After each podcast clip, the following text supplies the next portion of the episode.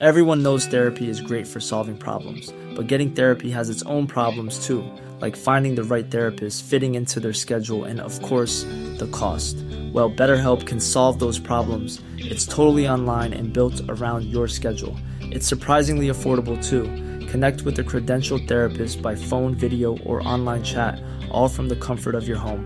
Visit betterhelp.com to learn more and save 10% on your first month.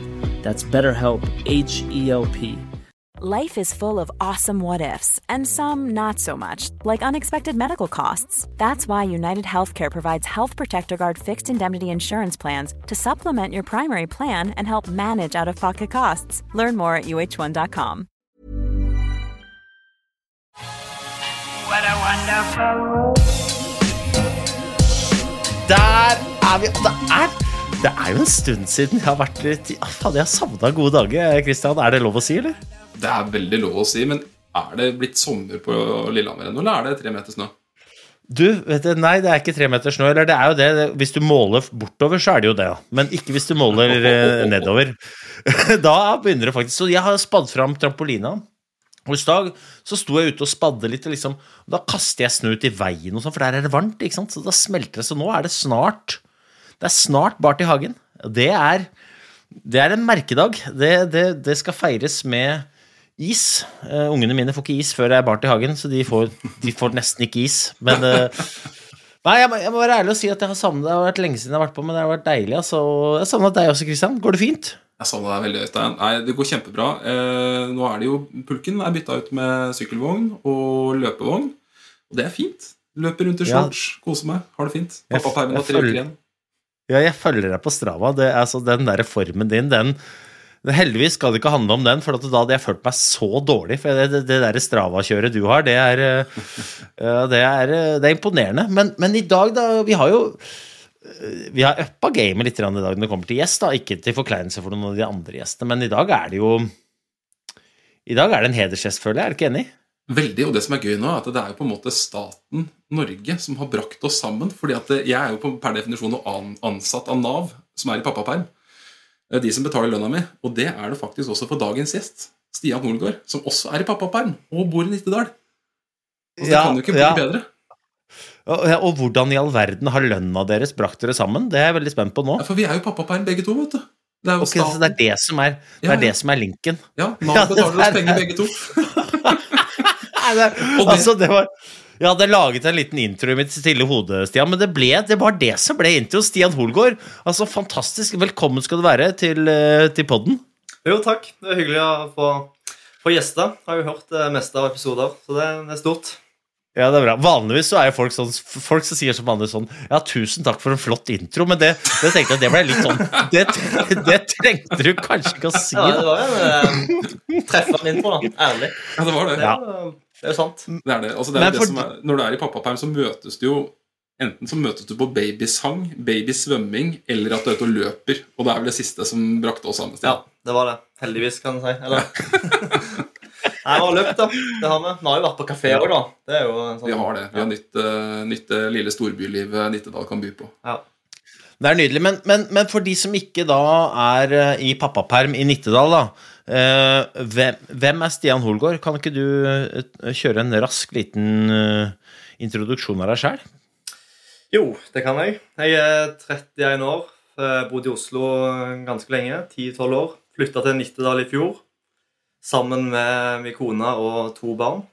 Så nå bor jeg her. Og ja, til daglig så satser jeg på langløp. Så det er vel kort om meg og min. Og og så er du veldig beskjeden. Du er veldig beskjeden. Altså, Stian Holgaard er en av um, Han er en av verdens beste langløpere. Fyren har vært på, Hvor mange ganger har du vært på pallen i Vassand? To eller tre? Det var det du òg sa, var det ikke det? Kristian? Ja, jeg trodde det. Ja, nei, det er faktisk fem, så det er nesten litt Har du vært på eh, pallen fem ganger i Vassand? Ingen seier, da. Så det er jo litt sånn Nei, det, det- det- om det har jeg lyst til å komme det- Ja, det, er Det der har jeg lyst til å komme til, faktisk. Det er, det, akkurat det lurer jeg på. Men første gangen jeg traff deg, da Første gang jeg traff Stian Holgaard, det var jo da i Sandnes.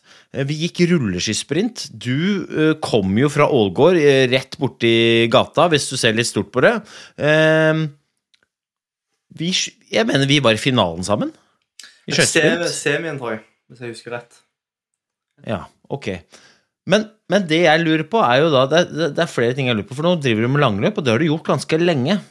Du, du tok jo det valget ganske tidlig. Eh, men jeg lurer egentlig ikke på hvorfor du valgte langløp først. For at det jeg lurer på egentlig, er jo Kan du sykle, eller kan du ikke sykle? Eller altså De som kjenner til familien Holgaard, vet jo at det er jo Dere driver jo Egentlig driver jo dere med sykkel. Nei, egentlig driver vi med ski. Det var jeg som var eldst. Jeg valgte jo først. Staka ut en vei for, eh, for familien. Og så var det jo brødrene som er yngre enn meg, som eh, valgte å ikke følge etter meg. da. Så um, det er de som Ja. har eh, brutt ut, føler jeg. Men eh, hvis Ok. du tenker på eh, at vi kommer fra Ålgård, da, så er det jo mer naturlig med sykling. Det er det jo.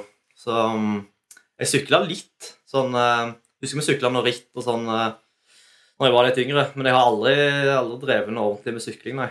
Så det var liksom aldri noe alternativ for meg. Ja, for det er jo bare sånn, Du har to brødre, og de, det er ikke det at de bare sykler. De sykler jo på eller har en bror som sykler på Jumbo Visma. Nei, eh, han sykler på trekk. Trekk. Ja, stemmer. Trekk. Og så er det jo da broren nummer to har sykla på fra de Sjø. ja. Og det, her er jo, det er jo proturlag. Ja, stemmer. Så har de vært innom Uno X òg. Så han, han siste de, Daniel, han har lagt opp nå. Så det, det er én igjen. Hva ble dere servert til frokost hjemme? Ja, nei, vi var aldri noe sånn voldsomt gode, noen av oss, egentlig. Det har tatt litt tid. Men eh, ja, så det, det er litt det er rart å tenke på. At vi endte opp med å leve av idretten, alle tre. Det, jeg tror ikke det er mange som hadde sett for seg det, egentlig.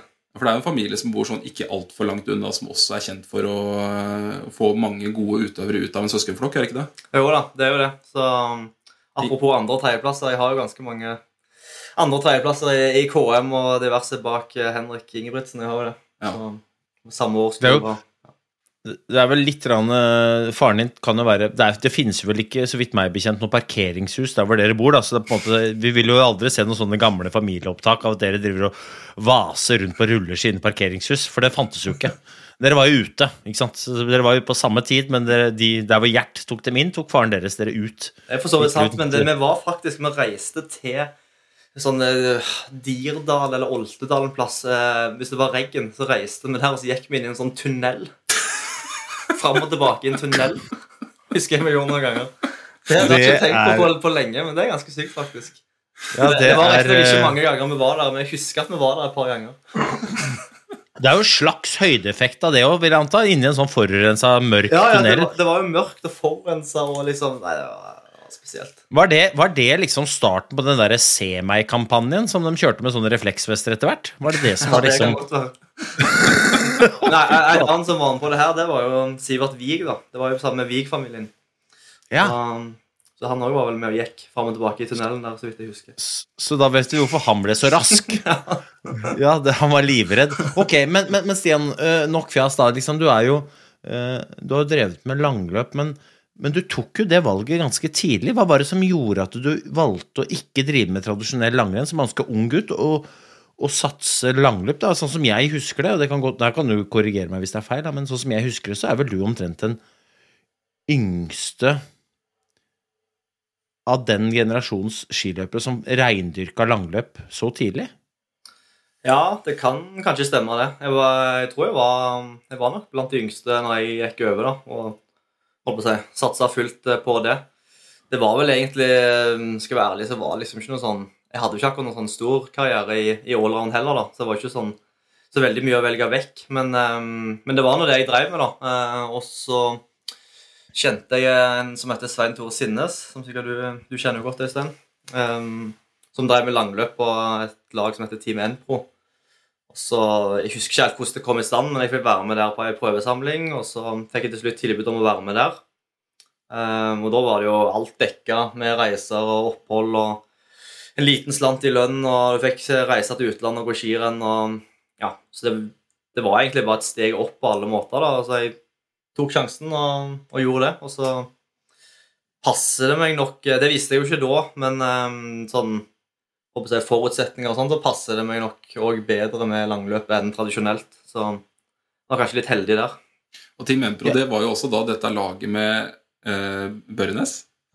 Håvard Hansen, Svein Tore Sinnes og deg. Stemmer. Og Geir Ludvig Aasen var der. Ja, ja, stemmer. Jonas Nilsen har vel òg innom. Så Ja. det, var, det er mange legender der. Ja, Og veldig fine drakter. Ja, siste versjon var fin. Jeg vet ikke, de der, vi hadde noe sånt der, Eller det var før jeg kom inn, da. Med noen sånn rosa Eller lilla eller rosa greier. Ja, stemmer det. Som var ganske grusomme. Men um, så var det noen Marius-mønster etter hvert. Så det, de var kule. Jeg føler meg ganske trygg på at det ikke var Tore Sinne som sto for det rosa designet. Ja, det, Det var, det var ganske men, dette, men da snakker vi sånn 2013, eller? ja, det stemmer. Det var 2013 var vel første vinteren, så jeg gikk vel inn 2012, da, tror jeg. På en oppkjøring av 2012-13. Ja, for jeg husker jo jeg eh, Jeg datt jo da ut av landslag 2014 og begynte da med langløp våren 2014. Og da kom jeg inn i en treningsgruppe sammen med, med deg, sammen med Høst, sammen med Svein Tore Sinnes. Eh, Etter hvert kom vel han Joar Tele. Han bare måtte finne en gammel isoporhjelm som han fikk, eh, fikk på seg huet. Så, så, så det var en, det var en ganske fin gjeng, husker jeg. Jeg husker jeg opplevde det som veldig sånn jeg, jeg følte meg i et sånt veldig sånn ungt og inspirerende miljø, da, hvor det var veldig sånn, veldig sånn trøkk. Men hvor var det du henta din inspirasjon til å gyve løs på langløp fra? Altså, hvor- kom det fra, liksom? Nei, altså Som sagt, i starten så var det ganske tilfeldig, egentlig. Jeg hadde jo sett litt på, litt på TV, og sånn, men jeg visste ikke så mye, egentlig. Ehm, og så har det egentlig bare balla på seg. Og så er det jo liksom Ja, har liksom alltid sett opp til de liksom de, de gode og de som vinner skirenn, blant Anders Aukland, for eksempel. ehm, som liksom alltid har vært med, så lenge jeg kan huske. Så Men uh, ja, var, når jeg valgte det i starten, så var det ikke noe sånn Det var ikke noe sånn endelig langløp. Det her uh, Få sjansen til det her, det er kult. Liksom, det, var ikke, det var ikke sånn. Men hadde du da gått noen, eh, altså hadde du gått noen lange løp før du tok sjansen og satsa? Hadde du gått liksom type Vasan Birken, Marcialonga sånn tidligere da? Nei, jeg hadde jo bare, bare en sånn lokale turen. Aldri noe aldri Cecil noe Ses i de. Cecil Lommi, ja. Ja, Det var imponerende. ja. Så um, Men- Men når du da um, Når du begynte, da, så var det en sånn brytningsfase mellom liksom at folk gikk med feste innimellom og staka. Noen staka bare, noen gikk, gjorde begge deler. Når du begynte, gikk du, had, har, har, har du gått noen langløp med feste? Nei, jeg tror Bort, aldri liksom, bortsett et fra Nei, du har ikke gått sånn som hvis, uh, oppi Reisaløp, for eksempel. Har alltid pigga der òg? Ja, jeg har det. Så jeg tror aldri jeg har gått til langløp med feste. Så det var jo Jeg husker jo det de første åra, 13-14 Ja, iallfall 13-14, så, så ble det jo litt sånn reaksjoner.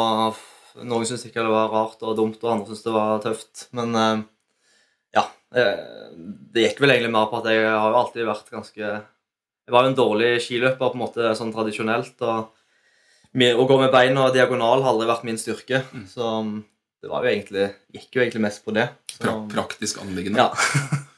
så når jeg ser tilbake på det nå, så er det jo ikke så veldig mye å skryte av. da. Det er jo de samme løypene som går nå, som alle staker. Men det, det er jo som du sier, da, det var jo, det var jo et skille der. Så det, det Ja, det var jo det. Men, men, det, for, men det, det du sier, det du pirker borti der, er jo veldig spennende, for det er jo sånn generelt rundt utviklingen. er jo ikke at liksom, når man har holdt på med det en stund, så ser man jo med andre øyne, bare fordi at vi har holdt på med det en stund. Men med en gang noen gjør det for første gang, da er det veldig sånn nybrottsarbeid, og da er det fryktelig mange som er fryktelig skeptiske, helt til noen får det til. Og da skal alle andre gjøre det også. altså sånn jeg lar meg jo til stadighet irritere over kommentatorer som forteller at eh, ja, bare vent til vi kommer til det rennet, for det er tøft, og der går det ikke an å gå med fest. Og så, og så er det noen som staker, og så Ja, det er ikke så bratt tilbake, vet du, for at det er sånn og sånn.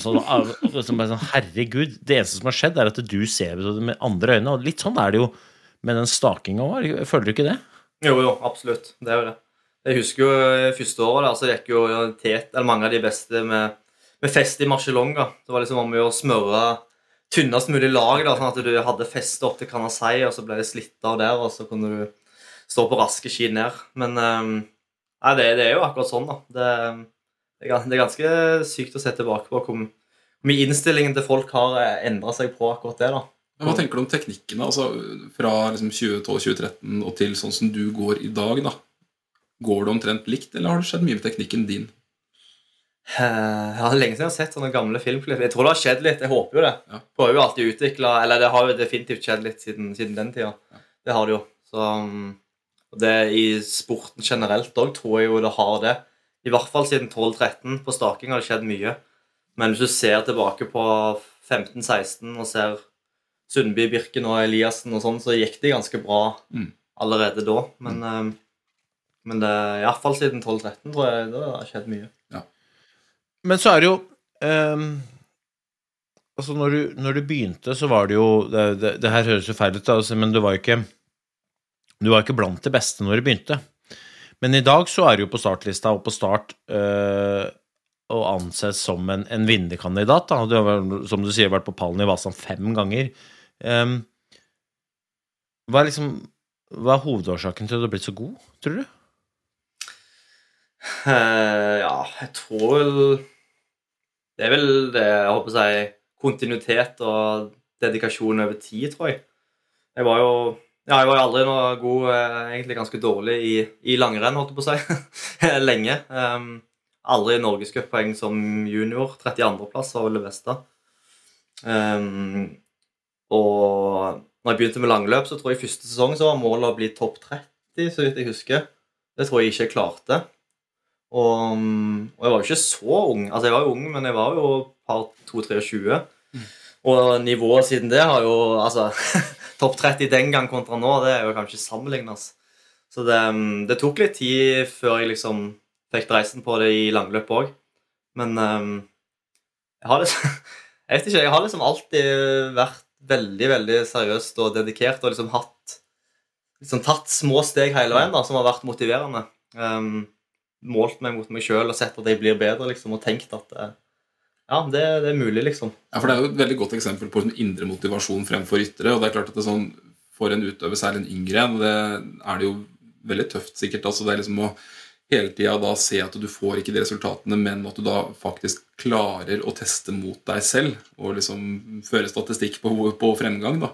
For det er, jo, det er jo litt sånn kroneksempel på det der at du må stå lenge. Du må være en stayer eh, for å faktisk få de resultatene. Men det er jo tøft, da.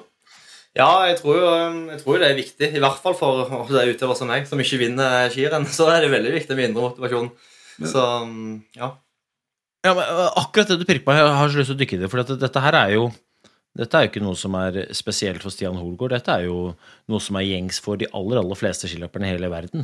Altså, Det er ikke så mange skiløpere som vinner en del skirenn. Det er det de færreste som gjør. Men øh, kan du ikke fortelle litt om liksom, hvordan du jobber med akkurat det? da? Fordi det er så veldig lett. Jeg har lagt ut en, en snutt om det i dag på, på Instagram, fordi at jeg opplever veldig ofte folk kommer til meg og så deler liksom følelsen om at jeg er ikke god nok. ikke sant? Og det er veldig lett å knytte, eh, som skiløper, da eh, følelsen om man er god nok eller ikke til resultatet og resultatet alene. Og da er det veldig lett å få bekrefta at man ikke er god nok fordi at man er nede på en resultatliste. Hvordan har du på jobba med å skape den der tryggheten, skape den selvtilliten og skape den der ja, evnen til å sammenligne Stian med Stian, og ikke Stian med om det er Anders Aukland, eller om det er Nygård, eller om det er Petter Eliassen, liksom? Ja, det, jeg prøver jo Det er jo et godt poeng, da. Det, jeg tror det er viktig å, å, å prøve å være bevisst på det. Men det går nok i perioder, vil jeg si. Jeg har jo liksom Spesielt på vinteren når vi går mye skirenn, så, så kan det jo være Ta det ganske tungt å være litt nedfor hvis det går, går dårlig over lang tid i skirenn. Um, så det er liksom ikke sånn at jeg alltid håper jeg, kun sammenligner meg, med, med meg sjøl. Jeg vil jo ja, Det er jo resultater vi liksom lever av, så jeg vil jo på en måte Det er jo, det er mye der tankene går, spesielt på vinteren. da. Men så har vi jo en lang oppkjøring og liksom treningsperiode og sånn. da. Og da, da er en jo avhengig av å ja, Eller ikke avhengig, men da, da syns jeg det kommer lettere da, å sammenligne seg med seg sjøl. Eh, måle litt på treningsøkter og se at du kommer nærmere de som du har vært langt bak. og jeg vet ikke, det, Men det er kanskje det er naturlig for meg, da, siden jeg alltid har vært, vært litt bak de beste. Så må du på en måte se at du ja, kanskje knapt vil du si at det er mer utfordrende å beholde trua på seg sjøl i konkurransesesong enn i treningssituasjon, sånn generelt? Ja, for, for min del er det definitivt det. Både tro og um, ja, Konkurransesesongen er mer tøft for hodet, syns jeg. Um, der går, og liksom humør og, og alt. Det er liksom um, Ja, det Jeg vet ikke hva jeg skal si. Det er mer alvor da. På, på Ja. treningssesongen er det, da syns jeg det er lettere. Og, Ja, for det, der, er, det er filosofert over mye sjøl, men er ikke det et symptom på at vi setter på en måte verdien på oss selv veldig på hvor vi plasserer oss på den forbanna lista? Altså, fordi at når vi bare trener, så blir vi jo ikke målt mot hverandre. Da bare trener vi, og så eh, på en måte, Nå har jo noen økter her og der, men de er ikke så alvorlige, og vet ikke helt om alle tar i alt de kan. Og da, da går jo de fleste rundt og føler seg bra. Det er jo veldig mange som kommer til de første og sier jeg har trent veldig, jeg tror jeg er veldig bra. Og så går vi i mål, og så er liksom i løpet av én dag da, eller én helg, så er den selvfølelsen bare snudd på hodet og blitt til dårlig selvfølelse. Og man reiser hjem og tenker fy faen, jeg er dårlig. Ja, ja, Mens man akkurat, på torsdagen føler seg veldig bra. Ja, altså I treningssesongen da, så er det jo gjerne Hvis du trener trener jo mye rolig trening og, og liksom håper å si, kontrollerte hardøkter og liksom sånn, og da, i hvert fall sånn som jeg tenker, da, så måler jeg jo på den innsatsen og den jobben jeg legger ned. da, Hva jeg har sett for meg jeg skal gjøre, hvordan jeg skal gjøre det, gjennomføringen. Så klarer jeg å gjøre det bra, trene dritbra, og liksom gir meg klapp på skulderen for jeg har Dette var bra. Bra innsats, bra gjennomføring på alt så blir du fornøyd med det, da. Mens på vinteren så måler du deg på resultat. Og da er det jo da er det mye andre faktorer inne i bildet. da. Det kommer jo fort andre går, du har ski, du har alt. Så da måler du kanskje ikke på ja, gjennomføring på samme måte. da. Det er ganske Men hvorfor sårbart. ikke det? Hvor, ja, for det er akkurat det. Det er jo, det er jo akkurat det. Det er jo, det er jo supersårbart. Og du kan jo ha renn hvor du går så godt du kan, men fortsatt blir nummer 15. Ja, en kan Og så hvis, det hadde vært- hvis det hadde vært i oktober, så hadde du liksom klappa deg sjøl på skuldra, men siden det er januar og skirenn og en resultatliste, så sier du fy faen, jeg er dårlig. Er ikke det innmari sånn eh, eh, Og jeg har vært der sjøl. Jeg, jeg har bare lyst til å bare høre dine tanker rundt det. altså, Eller du òg, Christian. For dette her er jo mekanismer som jeg tror jævlig mange kan kjenne seg igjen i. Det er jo vel derfor folk kjenner på prestasjonsangst, prestasjonspress. fordi at Tenk hvis som at dersom at noen går bedre enn meg. Det er jo liksom den der forskjellen på prosess og, og sånn helt tydelig mål også. ikke sant? Og det er jo, det her kjenner jo folk seg igjen sikkert med, på en arbeidsplass også. at det er jo det er veldig godt å være i en prosess. Det er godt å være på vei et eller annet sted. ikke sant? Altså være i en retning. Du står opp, du har retning hver eneste dag. Du står opp, du skal trene, du skal bli litt bedre. Eh, mens det er så binært da, på en konkurranse. Eh, nå har jo ikke jeg holdt på i nærheten av sånn som dere holder på, men Eh, Men, eh, men jeg husker jo også det at det, det var nok mer livet som triatlet som var viktigere for meg enn konkurransen. For det var liksom én dag, og den var veldig sårbar med tanke på hvor, ja, hvor mye har de andre trent. Været, utstyret, eh, kanskje man har en sykdom i kroppen, og veldig mange ting som spiller inn. Mens akkurat det der, det å være i prosess, det er veldig fint. Det er veldig meningsfullt. Og det er kanskje det som også gjør at man gidder å holde på så lenge. Jeg vet ikke hva dere tenker om det. Jo, jeg er enig i det. Kjenner meg veldig igjen i det. Jeg Mm. tipper, tipper egentlig mange idrettsutøvere kanskje kjenner seg litt igjen i det. Så er det jo selvfølgelig Du har jo andre sider, da. Hvis du er inne i en bra flyt og presterer bra, går mye bra skirenn helg ut og helg inn, så er det jo på en måte motsatt igjen. Da, er det jo Mm. helt fantastisk. Så Men jeg er jo Men- enig men- i men det hvis-. Men hvis jeg hadde spurt deg det, øh, Nå har du holdt på i, i ti år, da. Hva er det som driver deg? Hva svarer du da? Hvis jeg spør deg, hva er det som, er det som motiverer øh, Stian Holgaard? Det er, nok, det er nok den prosessen som Kristian snakker om. Jeg kjenner meg jo igjen i det. Det er jo det å bli bedre. Um, stå opp hver dag. Finne nye måter å utvikle seg på, bli bedre. Um, jeg har på en måte ikke ja, Jeg har jo noen, resultatmål igjen som jeg ikke har nådd. da, Vinne skirenn og, og en del sånne ting. Og, det er jo veldig mot og for å klare det, så tenker jeg sjøl at jeg um, kan jo håpe på flaks, da. Men uh, mest sannsynlig må jeg bli bedre, da. Og det er veldig motiverende å liksom uh, kunne gå inn med det, og kunne gå inn fullt. da, At jeg er så heldig at jeg får lov å drive på det her med fullt i, og bare legge all energi i det, syns jeg er kult. Men, men er ikke det et paradoks da, når man sier at jeg motiveres av prosessen, men så blir man monstertrykka ned i gjørma og, og føler seg selv veldig dårlig hvis man ikke vinner? Når man på den ene sier sin For du sa jo ikke det er det å vinne som er det viktigste for meg. Du sa jeg blir motivert av å bli bedre og gjøre den jobben, og den vet vi jo er litt sånn den er jo en dans fram og tilbake hvor du tar ett skritt frem, to tilbake, tre skritt frem, og så holder du på sånn, da. Mens når det kommer til disse skirennene, og man da får et dårligere resultat enn det man hadde håpa på utgangspunktet, så blir man liksom veldig deppa. Er ikke det egentlig en selvmotsigelse? Jo, det er kanskje det. Jeg, eh, jeg har ikke noe godt svar på Kanskje det er toppidrettens eh, jeg si, Paradoks. paradoks, ja. Jeg tror det. Nei, jeg, jeg har det ikke selv, men det, jeg har bare eh, Jeg har reflektert mye over det sjøl. For jeg, jeg kan kjenne meg igjen i veldig mye av det dere begge sier rundt min egen karriere. Da. Og det var først egentlig når jeg ga blaffen, at jeg presterte på mitt beste. ass. Og jeg tror det var derfor jeg presterte best sånn som i Blinkfestivalen, for eksempel, for jeg brydde meg ingenting om resultatet. Jeg var der bare for å lage liv, og så stort sett så vant jeg alle renn som var, med mindre jeg brakk staven. Og det var ikke fordi det var i tidlig form, jeg bare ga blaffen. Mens de rennene jeg gikk og jeg skulle gå virkelig fort, da, og var veldig opptatt av resultatet, så gikk jeg veldig ofte dårlig. Og sånn var det i langløp òg, ass. Faen, eh, siste rennet jeg gikk, da gikk jo sammen med deg inn mot mål i Levi der. Det er bare sånn Jeg kommer til å vinne spurten. Ikke fordi jeg bryr meg, men så, fy faen, nå er jeg i beast mode, liksom. Happy camper, da skal jeg gi meg. Og selv om jeg brekker staven sammen med Justina Kowalczyk, så vant jeg den spurten. Det, det her, men så har jeg gått andre renn hvor jeg har vært mye bedre, men bare spilt meg selv ut over sidelinja. Det er vel så klassisk den der spenningskurven. da Det er jo lenge siden jeg gikk på idrettshøyskolen. men Jeg husker veldig godt den der at det liksom, Stress er veldig godt til et visst punkt. Og, og, og, og det, det flater ut. Også når du på en måte da kommer akkurat over det nivået som er perfekt, som er den der flytsonen. For du skal være du skal jo være nervøs, men du skal ikke være for nervøs. ikke sant?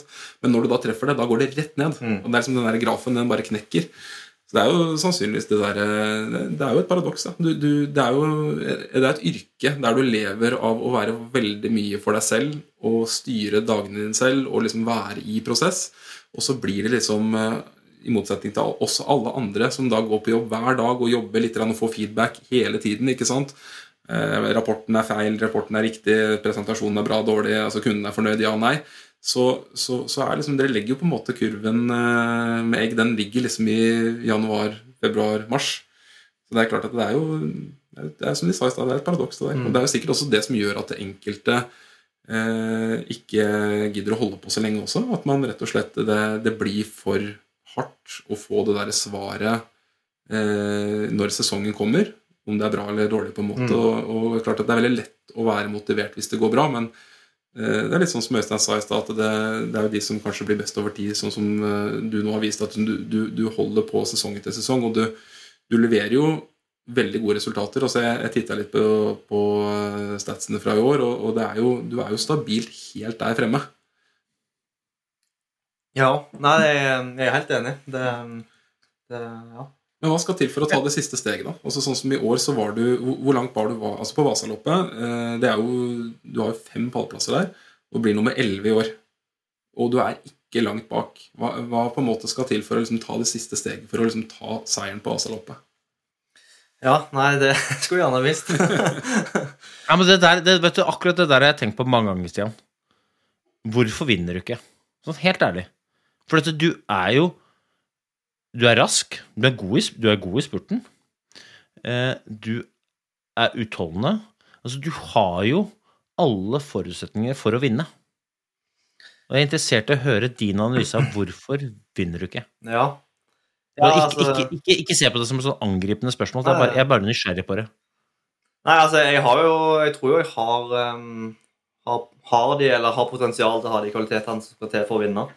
Um, det er jo litt av det som motiverer meg til å drive òg. At jeg, jeg tror det er mulig. Eh, Jeg må nok ha litt mer kalde Kalle sol og vind i ryggen enn eh, visse andre som kanskje har et høyere nivå enn meg. Men jeg, jeg tror det er mulig på en god dag at jeg kan klare det. Så har jeg jo vært nære en del ganger. Um, og så er det jo sånn selv om jeg har fem pallplasser, så er det ikke alle pallplassene der jeg har vært nære på å vinne. Mm. Det er ganske mange av de der jeg um, følte Ok, jeg fikk en andre- eller tredjeplass, og sånn, men jeg, i dag var jeg langt ifra å vinne. Det var et helt annet nivå. Og Det tror jeg det er kanskje mange som glemmer litt. da. At du kan, være, um, du kan bli nummer tre, fire, fem milevis ifra å vinne. Mm. Du sier jo gjerne at, uh, at det er jevnt i toppidrett, og sånn, men det er jo egentlig ikke det. Du ser på all toppidrett de beste er ganske mye bedre enn en enn de unna. Sånn, Iallfall det mener jeg, da. Så um, Ja, det der er, det der er sylskarpt poeng, da. For at det liksom, på en resultatliste ikke sant, så kan det se ut som om at du ble nummer 11. Du, Mm. du var bare sju sekunder bak. Og så bare sånn Ja, i tid Jeg var bare sju sekunder bak fordi at han som vant, lot meg være sju sekunder bak. Ja. Ja, men det, det er mye liksom, sånn. det Vi er ikke i nærheten. Men, men hvordan er du når du er på ditt beste, når du, når du har de beste avslutningene dine, hvordan er det du er da? Liksom, hvordan er Stian Holgaard når han presterer på sitt beste inn i en sånn avslutningsfase, f.eks.? I, Kontra når du ikke er så god. I løp, tenker du, i rennsituasjonen, Mm, liksom? mm, mm. Jeg er jo på en måte Ja, det er et godt spørsmål. Jeg tror jeg er ganske um, avslappa på én måte, men veldig, veldig sånn um, En bryter, på en måte, som skrur på, da. At du er liksom Prøver å, å være litt uh, avslappa og liksom sånn, og så har du et, et punkt eller eh, hvis tid i løpet, da. Der liksom Der må du være på hogget. Mm. Og da skal du ligge posisjonert der, der, der, og liksom eller derfra inn, da er det liksom, da er det finalen, da gjelder det. Mm. Da er å prøve liksom å, å skru på den, da. At du får liksom noe ekstra, ekstra mentalt, kanskje. Jeg vet ikke. Det er vanskelig å svare på. Du, du, nevner, jeg, jeg, ja, du nevner jo det Ja, her med, med at du er, liksom, føler deg sånn avslappa. Det høres jo litt sånn der, altså at du på en måte Du er i sånn flow state, på en måte. Altså du, Ja, jeg, jeg føler meg på en måte avslappa. Jeg kan på en måte se i av... Altså, nærmer seg eh, liksom eh, Kall det finishen i et renn og sånn, da. Der er liksom mange andre jeg ser rundt meg, og jeg, syns jeg ser i, i blikket og måten folk går på, at, du, at folk er stressa. Mm. Og, og liksom Og da kan jeg tenke at uh, det her, at jeg er mye roligere, og Har kontroll, kanskje. Eh, og så har du jo renn der, selvfølgelig, jeg, eh, at det er helt motsatt. Men når jeg er på mitt beste, så, så føler jeg kanskje at jeg er litt mer sånn sansende åpne og rolig. Og, Mm. Men samtidig veld, veldig på hogget. Everyone knows therapy is great for solving problems, but getting therapy has its own problems too, like finding the right therapist, fitting into their schedule, and of course, the cost. Well, BetterHelp can solve those problems. It's totally online and built around your schedule. It's surprisingly affordable too. Connect with a credentialed therapist by phone, video, or online chat, all from the comfort of your home. Visit betterhelp.com to learn more and save 10% on your first month. That's BetterHelp H E L P. There's never been a faster or easier way to start your weight loss journey than with PlushCare.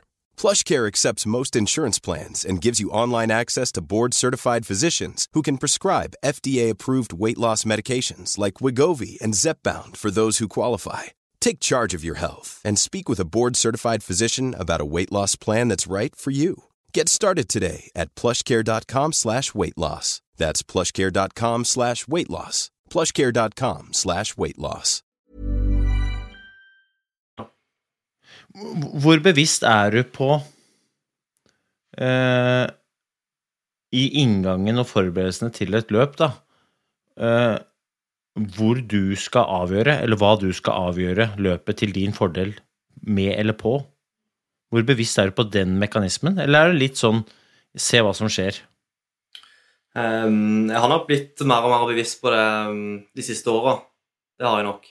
Um, eller det har jeg. Um, så nå har jeg alltid en ganske klar, eh, klar plan på hvordan, eh, hvordan jeg skal Det er jo seieren som jeg liksom som en går for, da. Hvordan jeg skal vinne det rennet. Og så er det jo veldig ofte han kommer seg i mål og, og føler seg som idiot, for han har virkelig ikke vært i nærheten av å ha nivået til, til å gjøre det en tenker seg. da. Men noen ganger så har han jo det, og da må han jo være forberedt på Da er det dumt å ikke være å komme i mål og tenke at eh, ah, skulle gjort sånn og sånn. Og da hadde jeg liksom Ja, så jeg har liksom alltid en plan. Um, og så Ja, jeg er liksom ikke Jeg er jo ikke Nygaard og og Persson, så jeg er liksom ikke alltid oppi der og, og får, eh, får vist, eh, vist hva planen er alltid. Men eh, det er noen ganger da der du får gjennomført det. Og da Ja. Vi snakka litt om det du var ute og løp her om dagen, Stian. Det her med talent og, og hardt arbeid. Eh, sånn som Nå nevner du jo to løpere som har eh, gjort det jevnt skarpt i mange år. Og, og Emil kjørte, han vant vel alle løpa bortsett fra Birken og ett til, var det ikke det? Jo, han vant jo ikke de to siste, Nei. men uh, han vant jo det meste. Jeg husker ikke om han var, den kanskje tre, tre eller fire renn han ikke vant. eller noe. Ja. Hva- er ditt forhold til liksom, det her med talent og, og, og det å stå på og jobbe? Hva, hva slags betraktninger har du rundt det? Ja, eh, jeg tror jo Skal du holde på å si, bli god og, og best og Ja, så tror jeg jo begge deler er viktig. Mm. Definitivt. Du kommer ikke utenom hardt arbeid, i hvert fall. Nei. Det viser seg jo at eh, Det er jo bare å se på alle som ja, tar langløp. da. Alle som er i toppen, har jo gjort en vanvittig bra innsats. Men jeg tror, jo, jeg tror jo det er en del talent inne i bildet. Jeg tror jo det. Fysiske forutsetninger som kanskje ikke ja, prates så mye om. Det er jo litt sånn, kan jo være litt demotiverende, men eh, Ja. jeg, jeg tror det. Hva, nevn, hvilken, hva da, liksom? Nei Altså, du har jo, ja, du har jo både fysisk og, og kanskje litt mentalt òg, det vet jeg ikke. Men liksom Si en sprinter, da. Altså sprinter i enten om det er på 100 meter friidrett eller om det er langrenn. da. Det er veldig vanskelig å trene opp. på en måte. De raske er raske. Eh, og så hører du jo hvert år om folk som skal I år skal du trene spurt og trene avslutninger og sånn, og så kommer du til vinteren, og så er det de samme som spurte fort eh, år etter år. på en måte. Det er veldig sånn, det virker som det er veldig fysisk. eh, Og jeg tenker jo at det er kanskje det, er kanskje det på utholdenhet òg. Kanskje på VO2 Max, kanskje på, på mange andre parametere. Så er det um, Du kommer på et veldig høyt nivå, da. Mm. Så um, at det er litt, litt sånn fysiske forutsetninger og talent Jeg vet ikke om alle kunne blitt like gode som Jakob Ingebrigtsen. Selv om du hadde Men, men, men tror, du ikke at, Mm. tror du ikke at alle på en måte på et eller annet øh, Et eller annet nivå da, eller et eller annet punkt bør, bør være nysgjerrig på hva er det som er mitt talent, og dyrke det, da, sånn at det på en måte kan avgjøre øh, løpet ditt mm, med utgangspunkt i talentet ditt. Da. Og det kan jo være så mangt, men alle har jo noen talenter. Men det handler liksom også om å få tak på talentet og, og reindyrke det. Da. Og så kan du er Jeg er helt enig med deg. liksom de trege, trege løperne i, anførselstegn vil jo aldri kunne slå de raske løperne i anførselstegn, fordi at det, eh, det, det er ikke fysisk mulig. Men de kan jo trene seg opp raskere, så de kanskje kan øh, henge med bedre underveis. Men jeg tror de må vinne løpet med å dyrke sitt talent, da, sin liksom superkraft. Og da er jeg interessert i hva er, liksom, hva er det du tenker er din sterkeste side?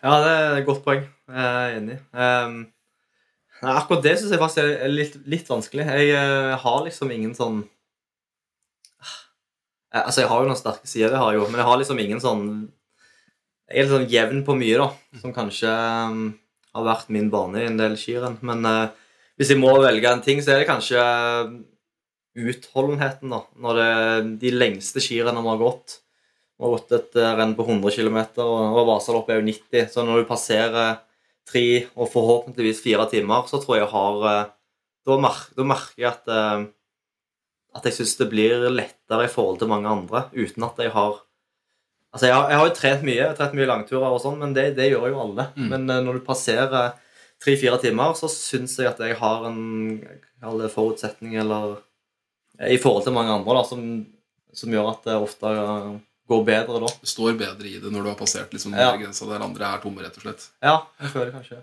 Det er jo, men det er også et godt poeng det Øystein har der. Det der eh, finne talentet sitt. Det er jo eh, veldig mange arbeidsplasser eh, Nå må jeg nesten være den som på en måte representerer de, de som går på kontor hver dag, da, men, men veldig mange arbeidsplasser jobber jo veldig mye med at alle skal bli gode i alt. Og alle kan lære hva som helst. Og det er en veldig fin tanke. Altså Hvis du har lyst til å lære deg å bli god i Excel, så selvfølgelig kan du bli det. men men eh, jeg husker jeg prata med faren til en kompis av meg. Han sa det veldig fint, at han var så drittlei sånne endringsprosesser. Han sa det at eh, hvis mine ansatte kan få lov til å dyrke sine gode sider hver dag mye mer enn å drive og, prøve å forbedre de dårlige, så er jeg villig til å betale dem full lønn for å gjøre det. Og det er, det er et veldig godt poeng. Ja, og, og akkurat der tror jeg at øhm, veldig mange har veldig mye å, å hente. Da. For vi, vi, er så, vi er så sinnssykt gode i å leite etter forbedringsområder, og ofte de som vi har størst forbedringsområde på. Men altså, hvis du skal kjempe om i toppen i noe Mm. Selvfølgelig skal du prøve å på en måte tette de, de, de hullene du har, men du må dyrke den der råskapen som du har, uansett hva den råskapen er. da. Dyrk det og det. Det utfordrer jeg både deg på, Stian, men også alle andre. Finn, finn den egenskapen, og gå og mariner den, sånn at når den egenskapen eh, kan eh, komme til syne i et eh, avgjørende øyeblikk, så bruk den. Da er liksom da tiden inne for å ta den fram. da. Om det er liksom Ok, nå passerer vi tre timer i Vassan. Nå er jeg der, folkens. For da vet du det på forhånd. Da har du den, og du tar den fram, og da tar du den fram. og Det er ikke det en sånn eh, Det er ikke det et, et litt sånn rusta sverd. Altså. Da er det supersharpt, for det har du marinert på dritlenge. Eh, Og jeg, opplever at de beste de er også de som har reflektert mest over akkurat det. Hvordan er det jeg skal vinne skirennet? Hva er det jeg skal gjøre for å ta knekken på? Mens de nest beste er litt sånn Jeg skal henge på her, jeg skal prøve, og så håper jeg kanskje, og så kommer jeg inn og kommer inn i moroparken, så er det viktig. Og så stiller du spørsmålet ok, ja, det er jeg helt enig i, men hva har du tenkt å gjøre for å komme først til den røde streken? Nei, jeg må se litt hvordan, hva som skjer når vi kommer ned på sånn Nei, for at noen kommer til å styre det spillet. Og hvis ikke du styrer, så er du en brikke i det spillet. Og da blir du fort, om det er pølsa eller om det er noe andre, da blir du baki der, ass. Sorry, ass. Jeg utfordrer deg på det, Stian. Ja. Jeg, jeg, jeg utfordrer deg på det, da, for at uh, jeg har mange ganger tenkt på at uh, jeg syns det er rart at du ikke vinner. For jeg, jeg er helt overbevist om at du har nivå. Du må selvfølgelig ha uh, kapasiteten og dagen og alt det der, men jeg tror du noen ganger har vært i situasjonen hvor du har nivået, men så ender du opp som en brikke i noen spill istedenfor å spille de andre ut. Mm. Ja, det er et godt poeng. Jeg er enig i det. Jeg, må... jeg, tror jeg har blitt mer bevisst på det de siste åra. Så um, håper å få, få vist det i, i renn òg. Ja, det, er mange, det er mange som sier liksom at eh, eh, de beste utøverne hater å tape. Jeg tror at uh, man skal være klar over at det å hate å tape ikke betyr at du er god til å vinne. Det betyr bare at du hater å tape. Jeg tror de beste eh, selvfølgelig liker bedre å vinne enn å tape, men jeg tror ikke de hater å tape så mye at ikke de tør å gå for å vinne. For i forsøket på å vinne, så må du tåle å tape. Og der tror jeg, jeg mitt ego var litt for stort. da. Jeg hata å tape litt for mye, sånn at jeg i noen situasjoner ikke turte å vinne heller. Og så endte jeg opp sånn 4, 5, 6, 7. Og det er et greit resultat, men det er så langt unna å vinne, som du sa. Det, liksom sånn, det ser greit ut på en resultatliste, men du vet at det, Fy flate, jeg var bare Jeg var ikke i nærheten. Det er stor forskjell altså, på å hate å tape og være god til å vinne. Akkurat det samme som eh, vinnervilje og vinnerevne. To helt forskjellige ting. Folk prater om det som det er det samme. Sånn, Det er ikke det samme. Du må ha evnen til å vinne, og den tror jeg du skal begynne å trene på tidlig. Jeg utfordrer, eh, ut, utfordrer ofte utøvere på det. Begynn å trene på evnen til å vinne. Og det kan være massevis av innganger til det, da. men bare liksom det å leike litt med det når man, man løper liksom alene i de trygge rammene, som vi snakka om. Liksom, gjennom treningssesongen så føler man seg jo bra. Da må du dyrke den egenskapen og bli god til å vinne. Ok, hvordan er det? Og så kan du leike litt på treninger og, og, og i hermetegn vinne noen treninger. da. Spille lagkompisene dine litt ut. Og så trenger ikke å feire den seieren foran dem, men sånn Ok. Bare bygge den her egenskapen. Da. Mm. Jeg tror det er viktig. Men sånn motivasjon Nå har vi snakka veldig mye om motivasjon og, og, og styrker og svakheter og, og liksom jobben du har, tross alt, da, hver dag. Hvordan er motivasjonen fremover, da, Stian? Ja, den er veldig høy. Han er det. Jeg um, ja, hadde en grei vinter i år. Veldig bra i januar, delvis februar, og så litt dårlig på slutten. Så det, um, men det holdt på å si Hvis du har en dårlig vinter, så er det litt sånn, kanskje, i hvert fall for min del, umotivert og lei eh, noen uker i, i april, og så pleier da motivasjonen å komme igjen. Eh, Men i år har jeg um, Ja, jeg føler jo som sagt at jeg jeg tror jeg har muligheten til å vinne skirenn hvis jeg eh, klarer å ta et lite knepp. Jeg har vært, vært nære noen ganger i hvert fall. Så, og jeg syns prosessen er kul. Jeg elsker hverdagen som, som langrennsløper. Så jeg, jeg er veldig motivert. Jeg er det. Jeg er litt sånn spent på det. Altså, du er jo del av et veldig kult lag. Eh, Det heter Aker Dæhlie. Og har veldig mye løpere på seg. Altså, Både allround-lag og paralag og langlag. Mm. Langløpslag. Og må jo bare si litt sånn Vi, vi har jo eh, Langløp blir jo dekka bra på, på TV og eller, altså, det, i hvert fall, det, det blir sendt, i hvert fall. Eh, veldig, veldig kult. Eh, og jeg må innrømme at jeg ser på langløp. Jeg ser ikke på allround-langrenn i noe særlig grad lenger. Jeg syns det er morsommere å se på eh, se på de lange løpene.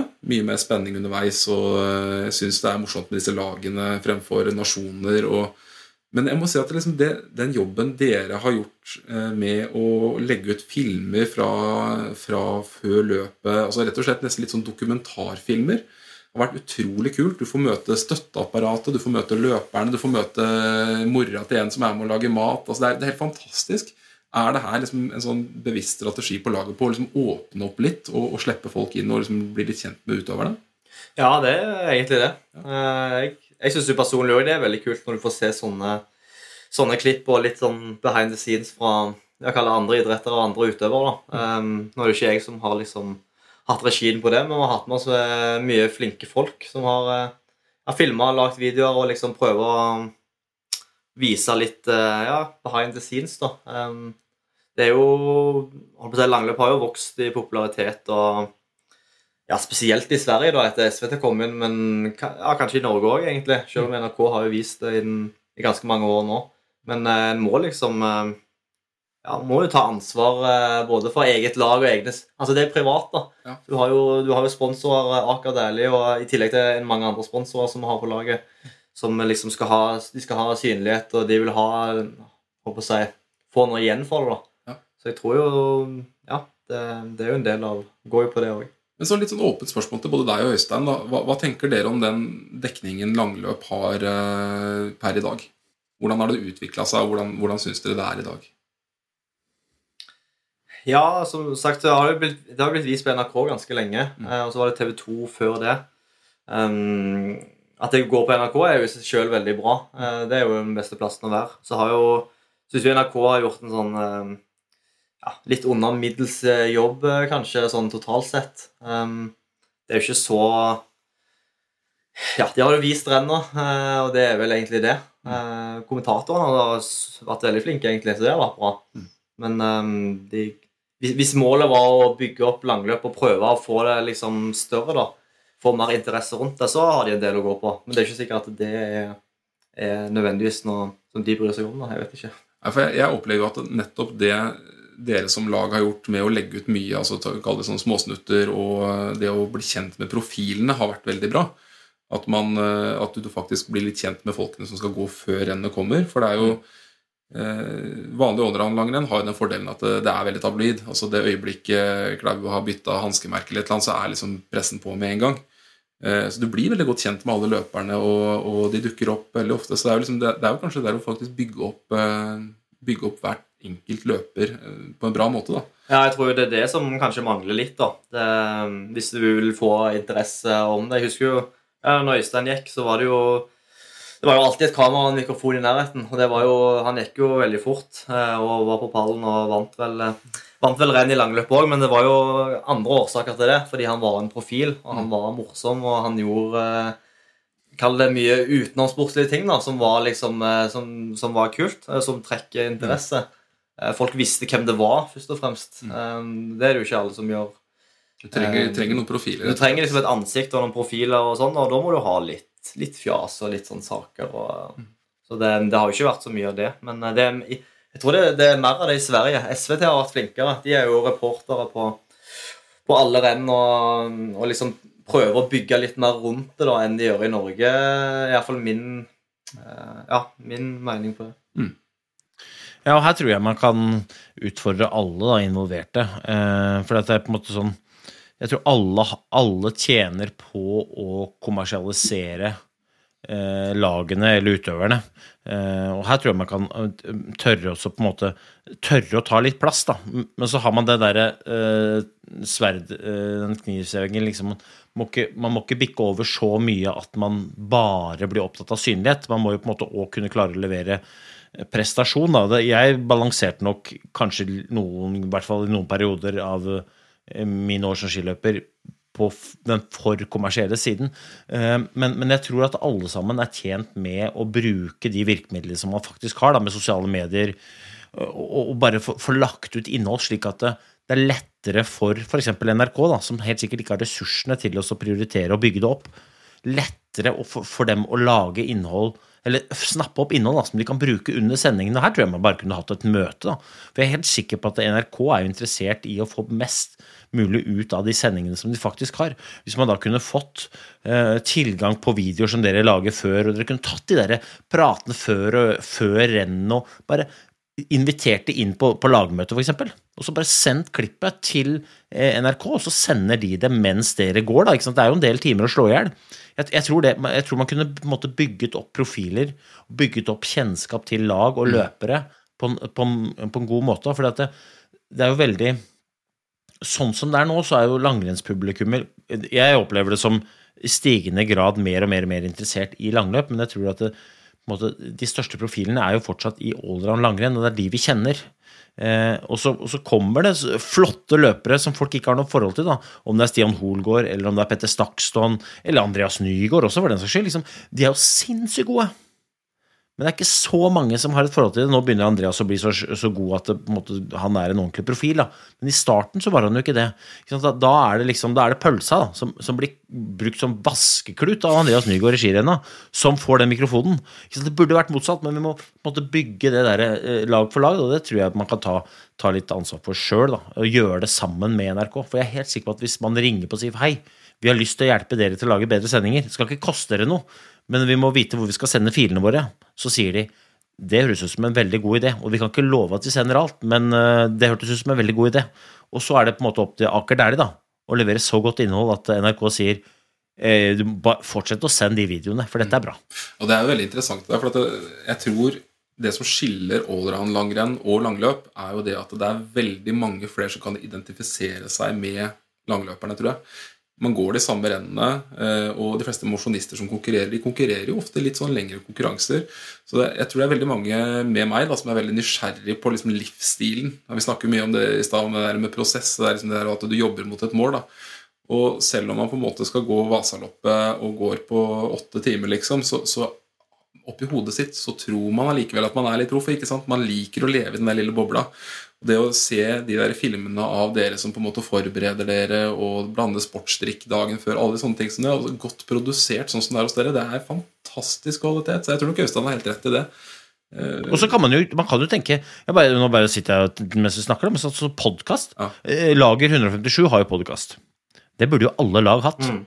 Alle lag burde hatt podkast hvor dere etter løpene bare banker dere, bare setter dere ned over en mikrofon og bare tar den praten med en gang. For er, da får du det rå, ufiltrerte eh, bare opplevelsen av rennet. Noen ganger går det bra, andre ganger går det dårlig. Få med når det smeller. Få med liksom hele den pakka, for det der tror jeg folk er interessert i. Før Birken, folk er dritinteressert. Hvordan er det Stian forbereder seg til Birken? Og så bare, ikke gjør noe voldsomt, bare sett den mikrofonen midt på bordet. Og så når dere har eh, taktikkmøte, så spiller dere inn det der det er jeg helt sikker på at folk er interessert i. Det skaper og bygger verdi. da. Og så bygger det liksom sånn en, en, en, sånn kjennskap der ute. sånn Hvor er det jeg skal snappe opp tipsene mine? Det er på den eller den eller den flaten. da. Og så må dere eie den flaten. Det er jo det Klæbo rår på. Han eier jo alt sjøl. Mm. Ja, det er veldig gode poeng. Jeg tror jo det er som dere sier. det i hvert fall sånn som det er nå, så er det jo et felles ansvar. da. Mm. Uh, og der, der kan nok absolutt lag og i hvert fall ta mer initiativ. Bli mm. flinkere til å ja, Hvis vi hadde fått til noe, noe sånt som Øystein sier, da, så, mm. så, kunne det blitt ganske kult. Det er jo mange som eh, ja, har, har, mye kult å vise, tror jeg, som ikke nødvendigvis kom fram.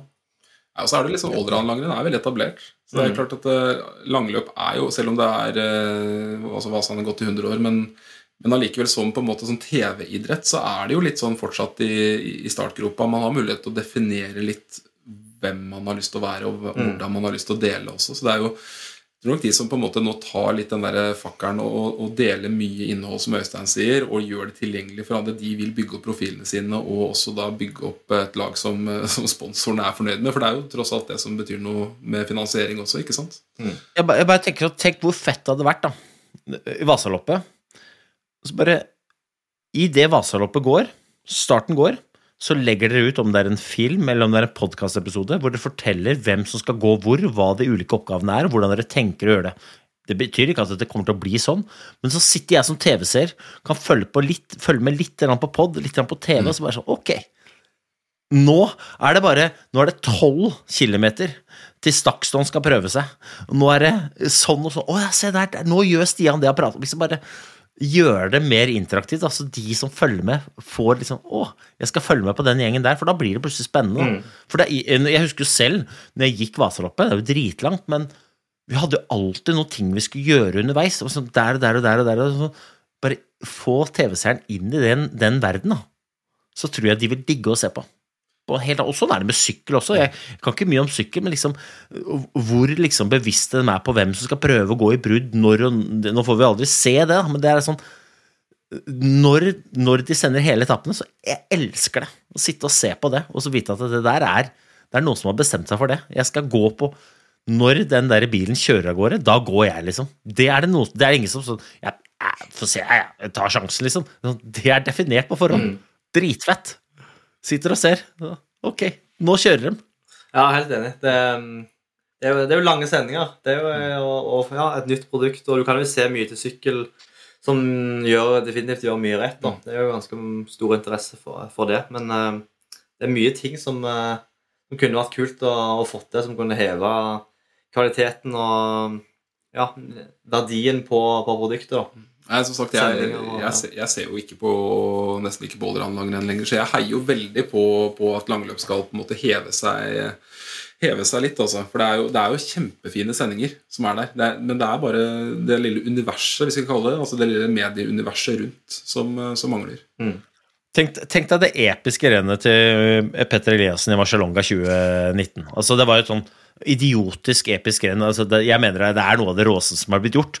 Tenk deg hvor fett det hadde vært å sluppet den videosnutten hvor han bare sier, vet du Jeg skal, jeg skal dra hele forbanna veien. Jeg skal bare gå hardt fra start. Det var bare fire stykker som visste om det. Det var vi fire på laget.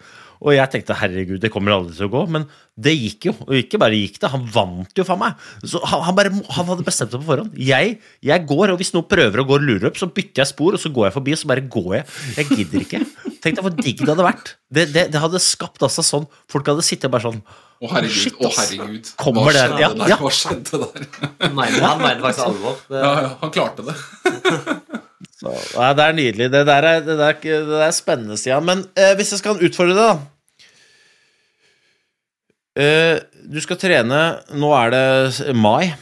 Uh, det er lenge til Marcialonga, det er lenge til Birken, det er lenge til Vasaloppet. Eh, hva er den egenskapen du skal trene mest på for å sikre at du kommer først i mål på et av de største renna?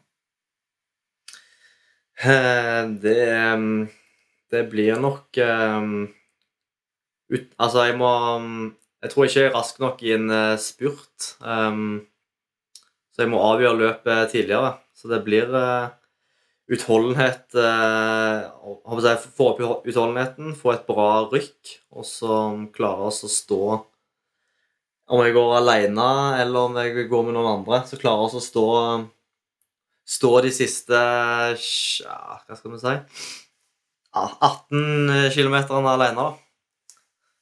Et bra tempo der. Så Kult. Ja, da er det Jeg gleder meg, jeg. til. Så det er altså Vi snakker et sted mellom eh, Ja, litt før Eldris, så går rykket. ja. Er, er det rundt liksom Volvo ja det går jo til Volvo-greier der. Ja, det er kanskje det. Det var jo planen i år òg, så det um, ja, så, ja, Apropos det vi pratet om i stad, så hadde vi jo teammøte. Og liksom eh, to mil før mål så skulle meg og Stakston prøve, da. Og jeg kjente jo at jeg var jeg var kokt. og liksom, eh, Du skjønner veldig, selv om det var jeg lurer på det var 11 eller 12 mann i teten der, og jeg eh, var med, men uh, var ikke med. Men jeg husker jeg tenkte sånn ah, Nå har vi jo sagt det, liksom jeg, Nå går jeg bare fram, og så bare går jeg alt jeg kan, da. Det var jo ikke en av de som slapp en meter, vet du. Men jeg gikk alt jeg kan. Tenkte jeg skal iallfall prøve. Så, så slapp jeg feltet etter det, da. Så um, Ja, men jeg liker det. Jeg, jeg, tror, jeg tror det er det det jeg, jeg gleder meg. Jeg skal stå jeg skal, ha- jeg skal stå i sofaen jeg da, med kaffekoppen og vente til Volvo Det er jo en liten så bakke etter den der Volvo-greia, hvor du kan få tatt bilde. Få gå gjennom, da. Gjennom den Ja, Volvo, så få tatt også- bilde òg. med felt Så eller får du liksom Hvis du leder, så følger feltet etter deg. Det skal jeg garantere deg. Så da blir det, da blir det episk bilde. Her var, jeg, her var jeg 250 meter før jeg rykka og vant uh, Vasaloppet 2024. Det blir, uh, det blir et fint bilde å ha over eller på, på nattbordskuffen, det. Ja, det er greit. Men ikke si det til noen nå. Det blir hemmelig. Nei, nei, nei, nei.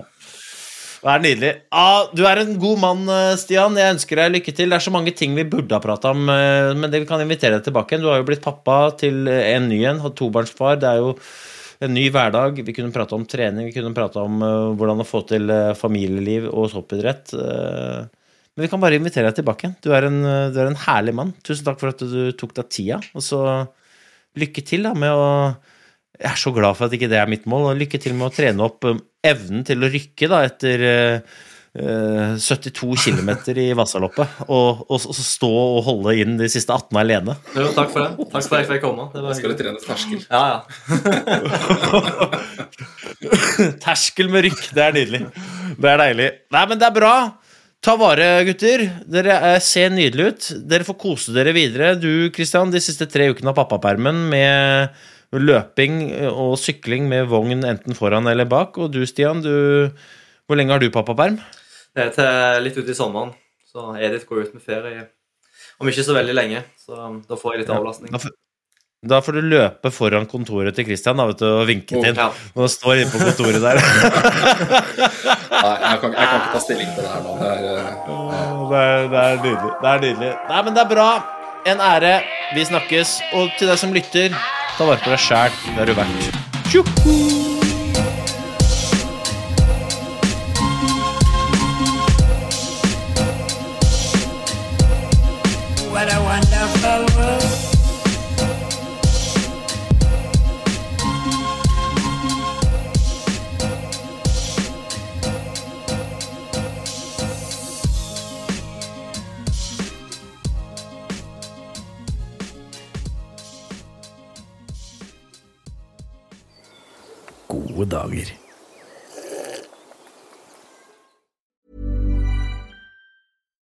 When we're on a budget, we still deserve nice things. Quince is a place to scoop up stunning high-end goods for 50 to 80% less than similar brands. They have buttery soft cashmere sweaters starting at $50, luxurious Italian leather bags, and so much more. Plus, Quince only works with factories that use safe, ethical, and responsible manufacturing. Get the high-end goods you'll love without the high price tag with Quince. Go to quince.com slash style for free shipping and 365-day returns. Imagine the softest sheets you've ever felt. Now imagine them getting even softer over time. That's what you'll feel with Bowl and Branch's organic cotton sheets. In a recent customer survey, 96% replied that Bowl and Branch sheets get softer with every wash. Start getting your best night's sleep in these sheets that get softer and softer for years to come. Try their sheets with a 30-night guarantee. Plus, get 15% off your first order at bowlandbranch.com. Code BUTTERY. Exclusions apply. See site for details.